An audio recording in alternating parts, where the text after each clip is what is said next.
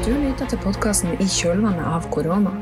Dette er tredje episode i en serie av fem. Norge har rykte på seg for å være et av verdens beste land å bo i. Men var vi godt nok forberedt på en pandemi? Og hvordan har vi klart oss i kjølvannet av covid-19? Hvilken lærdom tar vi med oss videre? Hvordan har det gått når det norske folk skulle drive hjemmeskole og hjemmekontor samtidig? Og hvordan har likestillinga hjemme blitt påvirka av dette? Hva med de som måtte stå i samfunnskritiske jobber? Her finner vi mange nordmenn med minoritetsbakgrunn. Vi vil også se på hvilke følger koronakrisen har hatt for de mest sårbare gruppene.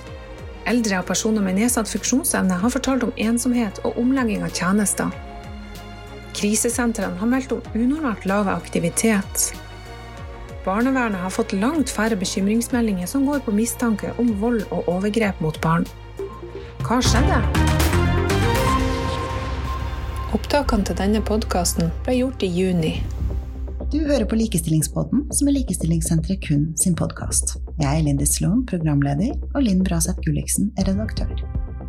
I dag har vi invitert Vanja Sæter fra krisesenteret i Bodø til å snakke litt om hvordan nedstengingen i mars opplevdes. Både for dere i Bodø, og også for de som jobber på krisesenter rundt omkring i resten av landet. For det første så, så representerer jo jeg ett av 46 krisesenter i Norge.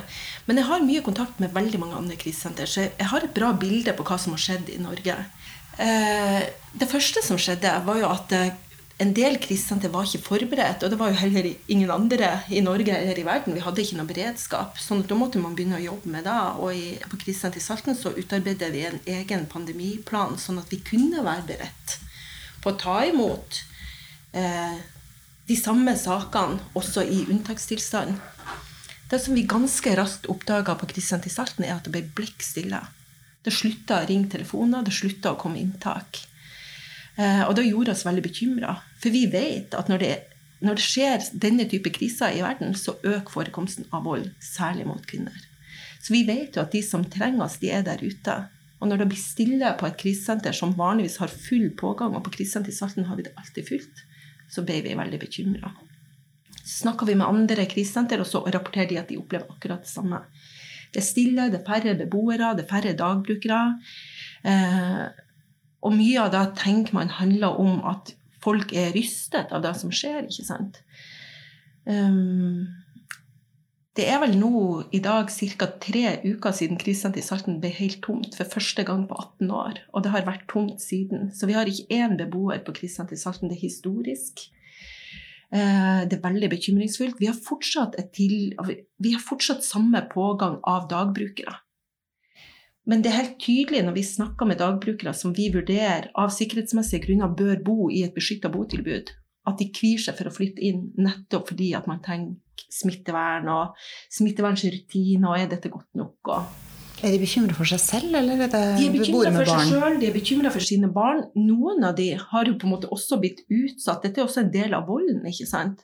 At deres voldsutøver har sagt at uh, på krisesenter kan du i hvert fall ikke dra, Du får ikke ta ungene med oss dit. Der kommer du garantert til å bli smitta, for det er jo folk fra hele verden. Og, så det har også vært en del av det regimet. Men det mange også oppgir, er at de har tenkt at vi har hendene fulle vil ikke forstyrre oss nå når alle er så opptatt med korona, sykdom og helse og smittevernrutiner. Så tenkte jeg at vi har nok med det, og så vil det ikke belaste oss. Og det er jo forferdelig synd. Så vi har vært opptatt av å vi har vært mye ute i media, på radio, i aviser og i fagtidsskrifter. og Vi har blitt intervjua på livesendinger sånn, fordi vi vil veldig gjerne at brukerne skal skjønne at det er ingenting som er endra ved krisen til Salten. Vi nedskalerte dagbrukervirksomheten i en periode. Det betyr ikke at vi ikke fortsatte å følge opp etablerte dagbrukere. Det betyr at vi fulgte dem opp via Skype og telefon i en periode. Og nå er det kanskje tre-fire uker siden vi åpna for å ta inn dagbrukere igjen. De kommer nå til oss i lokalene til krisesenteret, akkurat sånn som før. Eh, og vi, vi har hele tida tatt imot beboere, akkurat sånn som før. Vi har jo, Krisesenterhuset i Bodø er utforma sånn at vi har på en måte et bokollektiv, og så har vi to isolerte hybler. Så vi valgte å, å gjøre de isolerte hyblene til på en måte sånn eh, eh, skjerma enheter. Men det lar seg ikke gjøre på et krisesenter, fordi at man må på en måte komme seg ned til kontoret og sånn. Så da vi, vi fikk Bodø kommune som vertskommune med på umiddelbart, var jo å tenke at krisesenteret i utgangspunktet er i karantenesone. Mm. Sånn at på, på et vis så, så alle som bor der, og alle som jobber der, satt i karantene. Sånn at vi som jobber på krisesenteret i Salten, vi har gått på jobb, og så har vi gått hjem. Og så har vi ikke omgåttes folk eller gått på en kafé eller sett frisører. Så, så vi, vi, har forholdt oss til at vi er på en måte i karantene. Og dermed så har vi tenkt at uansett hvem som kommer til oss, uansett om det er mistanke om smitte, så er de på en måte i et karantenemiljø, og da vil vi kunne følge dem opp. Nå har vi ikke hatt eh, noe smittetilfelle hos oss. Og en av de ansatte har vært testa og testa negativt. Da, sånn at det, det, har ikke vært en reell problemstilling, men det er en del av den pandemiplanen vår. Krisesenteren er jo sårbar fordi at det er ofte få stillinger, få årsverk, for lite ressurser. Og man har ikke mulighet til å opprette ulike pool eller lag eller Kohorter. Ikke sant? Man kan ikke det. Hos oss på krisesenteret i Salten så hadde det vært nok at tre av de ansatte ble tatt ut av drift på en måte og satt i karantene hjemme så måtte vi ha stengt ned. Eh, og vi er, vi er godt rusta. Vi er et av de krisesentrene som har mye ressurser. Tenk på de krisesentrene som har én eller to ansatte. Og tenk på, på de krisesentrene som må stenge fordi de har brukt opp sitt budsjett pga. ekstra utgifter knytta til koronasituasjonen. Så har de ikke lenger budsjett til å drive videre resten av året. Ja, for nå peker du på en interessant problemstilling. Dette at uh, krisesentertilbudet er veldig forskjellig utforma i landet. Mens man kanskje hører historien om uh, si Oslo eller Drammen i media, og så tenker man, selv om man sitter et helt annet sted, at å ja, da er det sikkert sånn på mitt krisesenter mm. også. Mm. Ja, krisesentrene er forskjellig utforma. De drives på ulikt vis, men alle krisesentrene i Norge er underlagt lov om kommunale krisesentertilbud som kom i 2010. Og det er jo ikke en lov som på en måte pålegger krisesentrene noen ting som helst. Det er en lov som pålegger kommunene å gi et godt nok krisesentertilbud til alle voldsutsatte. Og Det betyr at alle kommuner i Norge skal ha en avtale med krisesenter. Og da krisesenter må være godt nok og, og drive i tråd med loven. Men så er det sånn som det er, at eh, det er kommunene som skal styre med de pengene, også når det gjelder drift av krisesentrene. Og kommunene vet jo, som kjent har de altfor lite penger til alt som er lovpålagt. Og det fører ofte til at krisesentrene kommer nederst på, på lista. Det er på en måte noe man har overtatt ansvaret for, som man eller man, kommunene nødvendigvis ikke har ønska seg ansvaret for. Så de blir pålagt da, og, og det finnes ikke penger. Um, det betyr at mange krisesenter ikke driver i tråd med loven. De gir ikke et tilbud til alle voldsutsatte. De klarer kanskje å gi et tilbud til velfungerende kvinnelige brukere, men ikke til de som er i aktiv rus, ikke til de som har funksjonsnedsettelser, ikke til de som er psykisk syke, ikke til transpersoner, ikke til menn. Så er det tilbudet for dårlig. Og så driver man jo allikevel bare sånn, og så får det ikke noen konsekvenser for kommunene. Så, og da må man forstå at kommunene har andre saker de heller må prioritere, der det får alvorlige konsekvenser hvis man ikke fyller lovens krav. Ja, nå sier du alvorlige konsekvenser, men da mener du for kommunebudsjettet eller tilsvarende, ja. ikke for de personene som faktisk Knytta til Fylkesmannen sine tilsyn og ja, avvik som må lukkes osv. Men, men sånne konsekvenser får ikke et manglende krisesentertilbud for kommunene. Fylkeskommunen fører jo tilsyn. Jeg vet at fylkesmenn har ført tilsyn med krisesenter i Norge som absolutt ikke har vært gode nok. Og de har likevel fått eh, en rapport uten, et, et, uten en eneste merknad, ikke et eneste avvik. Så det er jo et eller annet her som ikke stemmer. Det er et eller annet man ikke har fått godt nok til.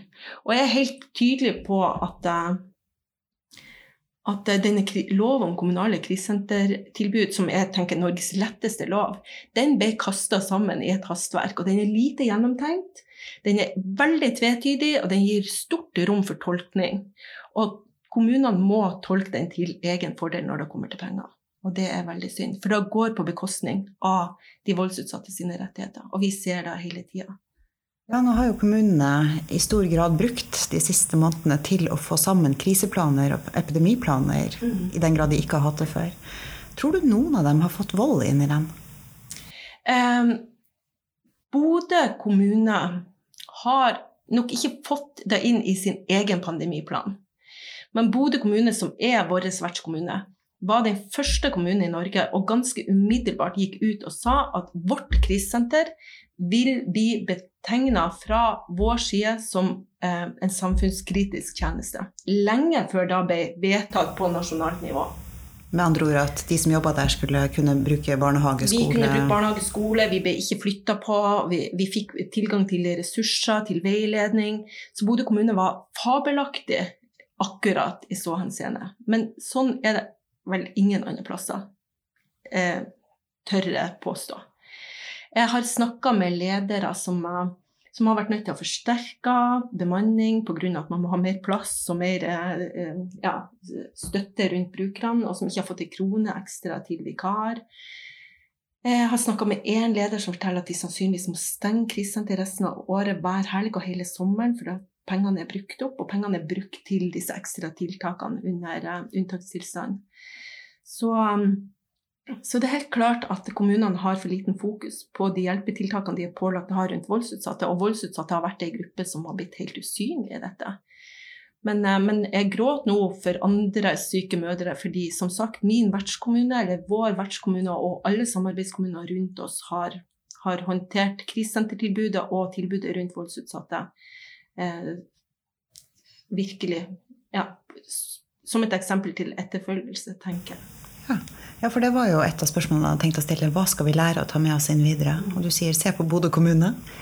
Ja, Én ting er jo på en måte at nå har vi jo vært igjennom dette én gang. sånn at Nå har jo de flere, nå tenker jeg at alle krisesentre i Norge har gode planer, pandemiplaner og kriseberedskapsplaner.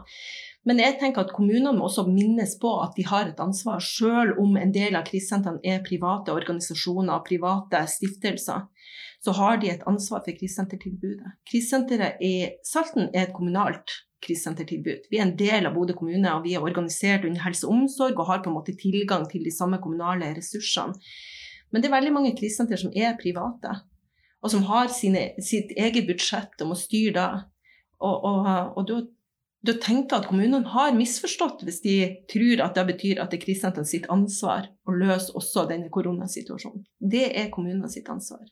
Og jeg møter på krisesenteret både voldsutsatte kvinner og menn. Eh, og deres historie er forårsaka av både kvinner og menn. Sånn at, eh, at jeg både anerkjenner og erkjenner at det er en problematikk at også menn blir utsatt for vold. Og jeg ser stygge voldshistorier der menn er utsatt. Eh, men når jeg har jobba på feltet over tre tiår, så er det absolutt i hovedsak kvinner jeg har møtt. Og, og uten unntak har de vært utsatt for vold fra menn.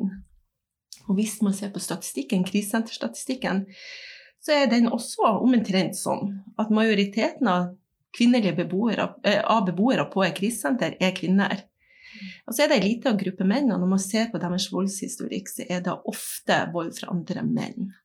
Sånn at, at da på en måte skal være klart. Og så tenker jeg at eh, det, er, det er forskjell. Vi sier jo liksom at når, når det kommer til mild vold, så er kvinner og menn omtrent like voldsutsatte, eller utsatt i, i omtrent samme omfang.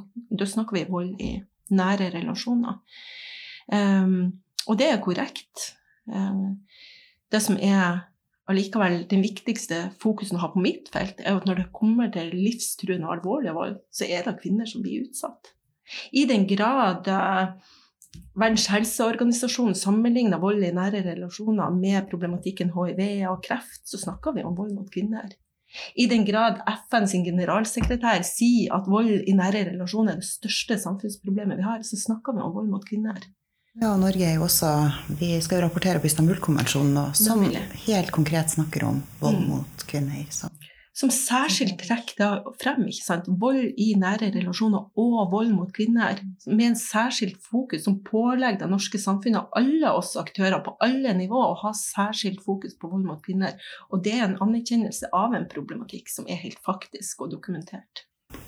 Det blir jo ofte snakk om de sårbare gruppene når vi skal snakke om vold i nære relasjoner. Ja. Og det er jo én ting for seg selv, og osv. Men hva med de som ikke framstår som sårbare? Vold er jo noe som man ikke ofte forteller om uoppfordra. Det er jo sånn at De brukerne vi møter på krisesenteret, enten de kommer som beboere eller som dagbrukere, de er jo på en måte et snitt av folket. Ikke kjønnsmessig, fordi at som jeg sa tidligere, så er det absolutt flest kvinner. Men eh, de er et eh, snitt av kvinner i Norge. De kommer fra hele verden, de er alle ulike aldre, eh, de lever ulike liv. Noen er i rus, vi tar imot eldre brukere. Eh, noen strever med psykiske lidelser. Eh, og noen er helt vanlige friske kvinner som er i full jobb, som har høy utdanning, som betaler sine regninger. Og det er mye fordommer knytta til hvem er brukeren av krisesentrene. Og det er ingen tvil om at eh, det over mange år nå har vært en, en eh, større andel kvinner fra andre land, og særlig fra eh, som, er, som representerer etniske minoriteter. Men nå begynner jo den statistikken å endre seg litt. Og nå er det sånn at i Bodø så har vi halvt om halvt med norske og utenlandske brukere, for å snakke litt enkelt. Um, og mange tenker også at de som kommer til oss, tilhører grupper som, som, som på en måte representerer lavere sosiale klasser, som, er, som, ikke har utdanning, som ikke har jobb, som har dårlig økonomi. Men det stemmer jo heller ikke. Vi tar imot et snitt av folket, og det kommer kvinner som representerer alle deler av samfunnet. Um, jeg tror at vi skal begynne å snakke om de brukerne vi møter på krisesenter, som er velfungerende kvinner. Som er sterke kvinner som som klarer på en måte å komme seg ut av en destruktiv relasjon. De klarer å skaffe seg en plass å bo, de, de får tilgang til advokat, de er veltalende, de fungerer i sin omsorgsrolle. De, tilgang, de, har, de er høyt utdanna, de har tilgang på jobb. Eh, og allikevel så ser vi at det er de som taper når deres sak kommer inn på politiet sitt bord. Når deres sak, hvis de har voldsom flaks, også havner i retten. For det gjør jo de færreste sakene. Fordi at det ligger en forventning om at man skal være verdig trengende.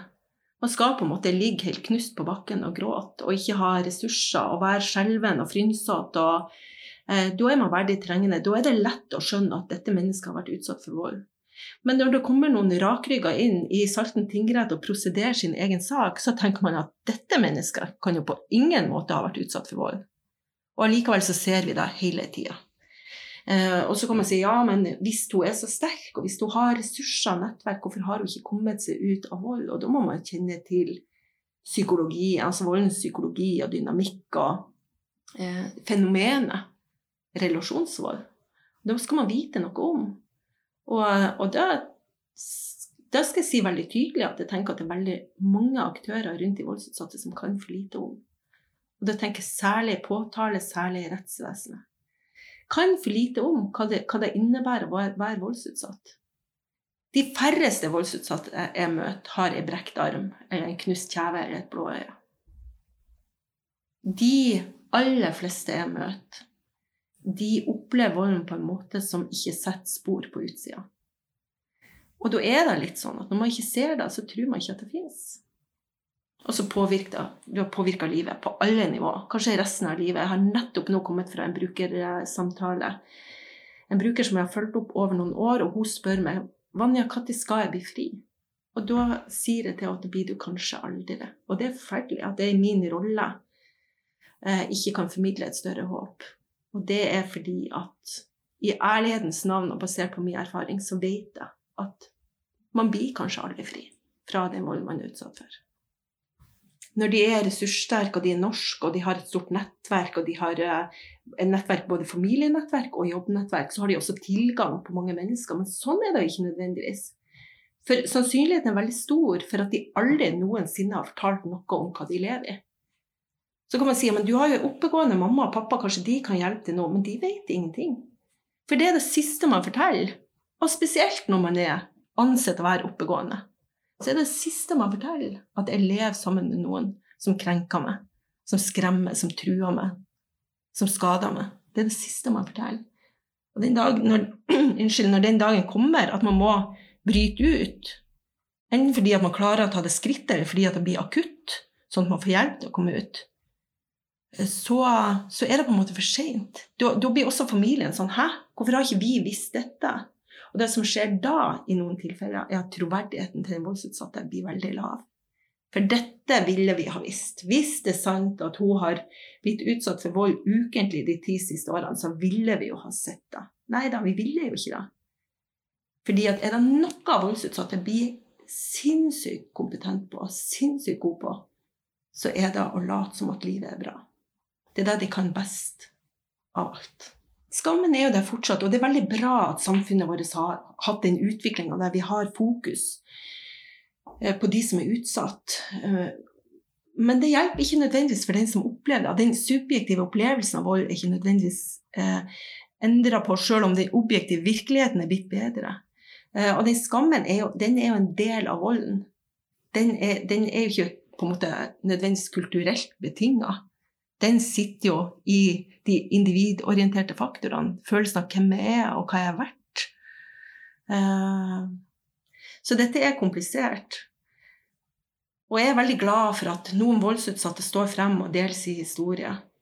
Eh, men jeg tror at vi skal, vi skal ha fokus på at den voldsutsatte er ikke Det fins ingen profil. Det, det, er en av oss. Det er tilfeldig at man sitter på den sida av bordet man sitter på. Jeg tenker da mange ganger når jeg sitter i mine samtaler på krisesenteret og jeg møter min bruker som sitter der, at uh, Kanskje hadde jeg tatt eh, døra til høyre i stedet for ven til venstre da jeg var 17, så hadde jeg kanskje vært i den situasjonen. Så kan man si at jo, men det fins noen på en måte individorienterte faktorer som gjør oss mer sårbare. Hvis vi har opplevd vold i barndommen, hvis vi kommer fra én destruktiv relasjon, så er sjansen høyere for at vi velger oss inn i en ny destruktiv relasjon. Det er klart det finnes sånne faktorer, men det er også tilfeldigheter. Det er også at man at man havna på fest når man var 15 med den kjekke 17-åringen i stedet for den snille 17-åringen. Altså, det er helt tilfeldigheter iblant som forklarer, eh, som forklarer at man er kommet inn i en rolle der man blir utsatt. Det kan skje alle. Det kan skje alle. Og, det, og jeg tenker at det er flaks for oss som ikke har opplevd det. fordi det er så mange kvinner i Norge og i verden som opplever vold og krenkelser at hvis vi går gjennom livet uten å ha opplevd det, så har vi vært sabla heldige. Og det er min påstand. Det er flaks. Eh, og så har det også med en del andre betingelser. Og den sårbarheten man har når man er utsatt for vold, f.eks. har opplevd vold i barndommen, enten fordi at man er blitt direkte utsatt for vold, eller fordi at man har vært vitne til vold, den sårbarheten skal vi være helt klar over. Den, den må vi på en måte ta på alvor. Og også dette med at når man har vært i en partnerrelasjon som har vært så ubalansert, da, så, så, har man en sårbarhet. Og det er jo ikke Jeg husker kanskje særlig før i tida, før vold på en måte ble noe vi snakka så høyt om, så møtte jeg utrolig mange fordommer når jeg eh, presenterte at jeg jobba på mitt felt, som handla om ja, hva er det med de her kvinnfolkene? Altså Først så blir de utsatt for eh, seksuelle overgrep hele barndommen. Og så blir de voksne og kommer seg endelig fri, og så ender de opp med en partner som utsetter dem for det samme. Det må, være noe, må være noe feil med De må jo være mindre begavet. Jeg har også hørt den versjonen som handler om at men er ikke det tredje gangen at hun har en kjæreste som er voldelig? Hun må jo like å bli slått. Men det er ikke sånn det er. Det er mange grunner til at noen utøver vold. Da forklarer vi jo strukturelt og individuelt og eh, kulturelt og religiøst. Og, eh, men, men, det er helt klart at det kan skje ting også sant, i livet til folk, som f.eks. en demenssykdom. Som gjør at man endrer personlighet. Det som vi ofte ser i den gruppa av eldre voldsutsatte, er jo at de blir utsatt for vold fra sine barn. Og det er en helt annen type vold enn partnervold. Um, voksne barn, og det kan være voksne barn som av ulike grunner har voldsutøvende atferd, men veldig ofte knytta til sykdom, psykiatri eller til rus. Uh, og det er klart at partner kan man velge å ikke være, men mamma eller pappa er man resten av livet. Så det er den store sår, såre forskjellen, da. At uh, når, når, den lille gutten som du bærte i magen, og som fanget, som har sittet på fanget ditt, og du har ridd ranka, og du har sunget nattasangen Når det er han som også krenker deg og slår deg og skremmer deg og tar pengene dine, så er det ekstremt mye mer skam knyttet til det. Vi vil jo at ungene våre skal klare seg og ha det bra, at de skal være snille med oss, og, eh, men sånn er det ikke for alle. At de to store, sårbare gruppene vi har, det er kvinner og barn. Så enkelt. Det er de mest sårbare gruppene vi har. Og så kan man si at i kvinnekategorien så har vi noen grupper som er særskilt sårbare for å bli utsatt. Og det er jo bl.a. gravide, og også kvinner i barselperioden. Det er kvinner i aktiv rus. Det er kvinner med ulike helseutfordringer knytta til psykiatri, og det er kvinner med funksjonsnedsettelser. Så er selvfølgelig kvinner som representerer etniske minoriteter, sårbare. Og særlig de som, eh, som er nye i Norge, som ikke har rukket å bli kjent med det norske samfunnet, med lover og regler, med rettigheter, ikke minst.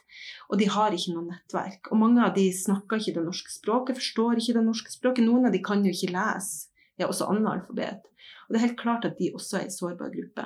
Og dette er kvinner som ikke ser, for de kommer ikke på foreldremøter, de deltar ikke på paneldebatter, de sitter hjemme.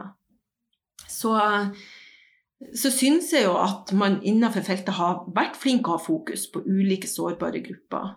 Og vi har jo vært en del av et nasjonalt prosjekt der vi særlig har satt rus, psykiatri og funksjonsnedsettelser på dagsorden i krisesentertilbudet. Men det er klart at det er fortsatt en vei å gå. Det er veldig mange der ute. Én av fire ikke sant, er der ute og trenger et krisesentertilbud. Hver tolvte kvinne i Norge er ramma av så alvorlig vold at det kunne vært livstruende. De er rundt oss på alle kanter. Eh, sånn at eh, at det er i underkant av 2000 beboere på krisesentrene i Norge, det er ikke et tall som sier noen ting om omfang i det hele tatt. Det tallet sier kun noe om kapasitet på krisesentrene. For krisesentrene er stort sett fulle hele året. Og hadde det vært dobbelt så mange krisesenter, så hadde de nok også vært fulle. Så da å skjønne forskjellen på omfang i tall og skadeomfang, og skjønne forskjellen på hva som er omfanget i samfunnet vårt, og hva som er Krisesenterbrukere det er også viktig å sette søkelys på. Det tror jeg er utrolig viktig. Så da å ha fokus på voldsutøvere, det er vi helt nødt til. Hvis vi skal gjøre noe med dette bildet. Um, men jeg tror også da å jobbe, med, jobbe forebyggende med særlig fokus på gutter og kjønn og kulturelle forventninger. Og det tror jeg er kjempeviktig. Og da gi guttene et språk. La også de små guttene få et språk, for jeg tror at språket kan være nøkkelen til nettopp det som handler om å kunne håndtere følelser, redsel og frykt og sinnemestring. Vi har, vi har også en kultur i Norge der, vi, der jentene fra de er veldig små, kan snakke om at de er redd, eller 'nå blir jeg sjalu', eller eh, 'når du gjør sånt mot meg, så syns jeg det er kjempedumt', og 'nå blir jeg lei meg', eller 'nå blir jeg kjempesint på det'. Mens eh, kulturen til, frem til helt nå i nyere tid har jo vært sånn at guttene får bare ordne opp og knuffe til hverandre. og bare Ja, da får du bare slå tilbake, ikke sant. Hvis disse guttene hadde lært når de var tre år i barnehagen å si at jeg blir kjemperedd når du snakker sånn til meg, eller når du tar fra meg lastebilen, så blir jeg sint, for jeg lekte med den, og jeg blir lei meg når du kommer og tar fra meg ting jeg leker med, da tror jeg mye jeg har gjort. Og dette vet jeg fordi jeg, at jeg sjøl har et barn som var uten hørsel i to år. Og han gikk jo fra å være en veldig snill og mild gutt til å bli et veldig aggressivt barn som kasta ting i veggen og reiv ned leker, og som gikk en hel dag i barnehagen og sa at han var tørst, og alle voksne trodde at han snakket om en hest. Og vi kan tenke oss alle sammen hvis vi skal gå en hel dag uten vann. Vi kommer til å hive ting i veggen, vi òg. Så gi ungene et språk, det tror jeg er kjempeviktig. Og vi har fokus på det. Vi reiser rundt på skolene og har kommuneturné. Da har vi fokus på at både gutter og jenter skal kunne snakke om følelser, og særlig disse følelsene som, som det er på en måte noen sånn negative fordommer knytta mot det å være redd, det å være sjalu, det å være misunnelig, det å kjenne på sinne. Det å må bli et akseptert del av følelsesspekteret, ikke bare hos jenter, men også hos gutter. Så da å jobbe forebyggende med, i et kjønnsperspektiv tror jeg også er en nøkkel her. Ja, for der kommer vi jo egentlig litt tilbake til nedstenginga igjen. For det ble jo en Plutselig så var det mange som ble permittert eller arbeidsledig. Mm og sitter i en situasjon hvor de kanskje er usikre på kommer jeg tilbake i jobb, har jeg inntekt osv. Det er jo det man kan tenke. Kan det ha utløst familievold? Kan det Så klart. Ja. En ting er at disse familiene som i utgangspunktet sliter, de blir jo på en måte tvunget til å være så mye tettere sammen. Og mange av de i ganske små boliger og trange kår. da. Og så skal man ha en tanke om hvordan skal det gå med oss. Kommer jeg tilbake i jobb? Kommer jeg til å miste jobben min? Klarer vi å betale lånet? Klarer vi å betale husleia? Har vi penger til mat? Og så skal man håndtere barn som er hjemme fra skole og barnehage. Og, det er jo ingen tvil om at skole og barnehage er det viktigste avlastningstiltaket vi har i Norge. Så skal man håndtere det, og kanskje er det i ulike aldre, og kanskje bor man på et sånt vis at ungene ikke har egne rom. Og der skal det avvikles hjemmeskole, som, som etter min mening har stilt helt urimelige krav til foreldre. Jeg tenker at dette hjemme Det måtte jo bli sånn, barn måtte jo holdes hjemme fra skolen. Men jeg tenker at når vi stengte skolene, så, så, var vi med på å dra disse sosiale forskjellene ganske Det, har vært utrolig mange tapere som, som en del av denne hjemmeskoleprinsippet. Det, det er mange barn som har tapt et halvt års skolegang i denne koronaperioden. Fordi at Man kan ikke forvente at alle foreldre har mulighet til å være hjemme og organisere hjemmeundervisning og rydde plass til å sitte med skolearbeid kan ikke forvente at alle barn har tilgang til en datamaskin. Jeg jobber jo med familier som ikke har penger til å betale internett engang. Og så skal man være hjemme med, folk, med foreldre som er permittert, som er redd, som er stressa, som krangler. Eller man skal være hjemme helt alene fordi at foreldrene er nødt til å gå på jobb. Hvis det skal komme mat på bordet, så må de gå på jobb, selv om du er åtte år og har hjemmeskole. Og, ja, og dette er sikkert også en helt annen sending, men det, dette, dette, er jeg virkelig engasjert i. Og jeg ser at veldig mange av de brukerne de møter på krisesenter, de har blitt ramma hardt av korona fordi at alle disse tiltakene vi har som handler om skole og barnehager, tilgang til helsestasjon, åpen barnehage og familieveiledning, er borte. Og jeg jobber jo med familier fra hele verden som har med seg kunnskap og erfaringer som vi bare må legge oss helt flat for.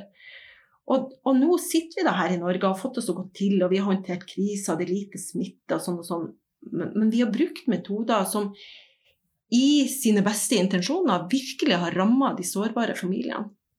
Og jeg tror at eh, når vi kommer oss gjennom dette her, der ved utgangen et sted, så vil vi se at det vi har gjort, er at vi har lagd et samfunn med ekstremt mye større sosiale forskjeller. Og det er veldig, veldig opprørt over og fortvilt over. Jeg ser det tydeligere og tydeligere og tydeligere. Du hører på Likestillingspodden, som er Likestillingssenteret kun sin podkast. Jeg er Lindy Sloan, programleder, og Linn Braseth Gulliksen er redaktør.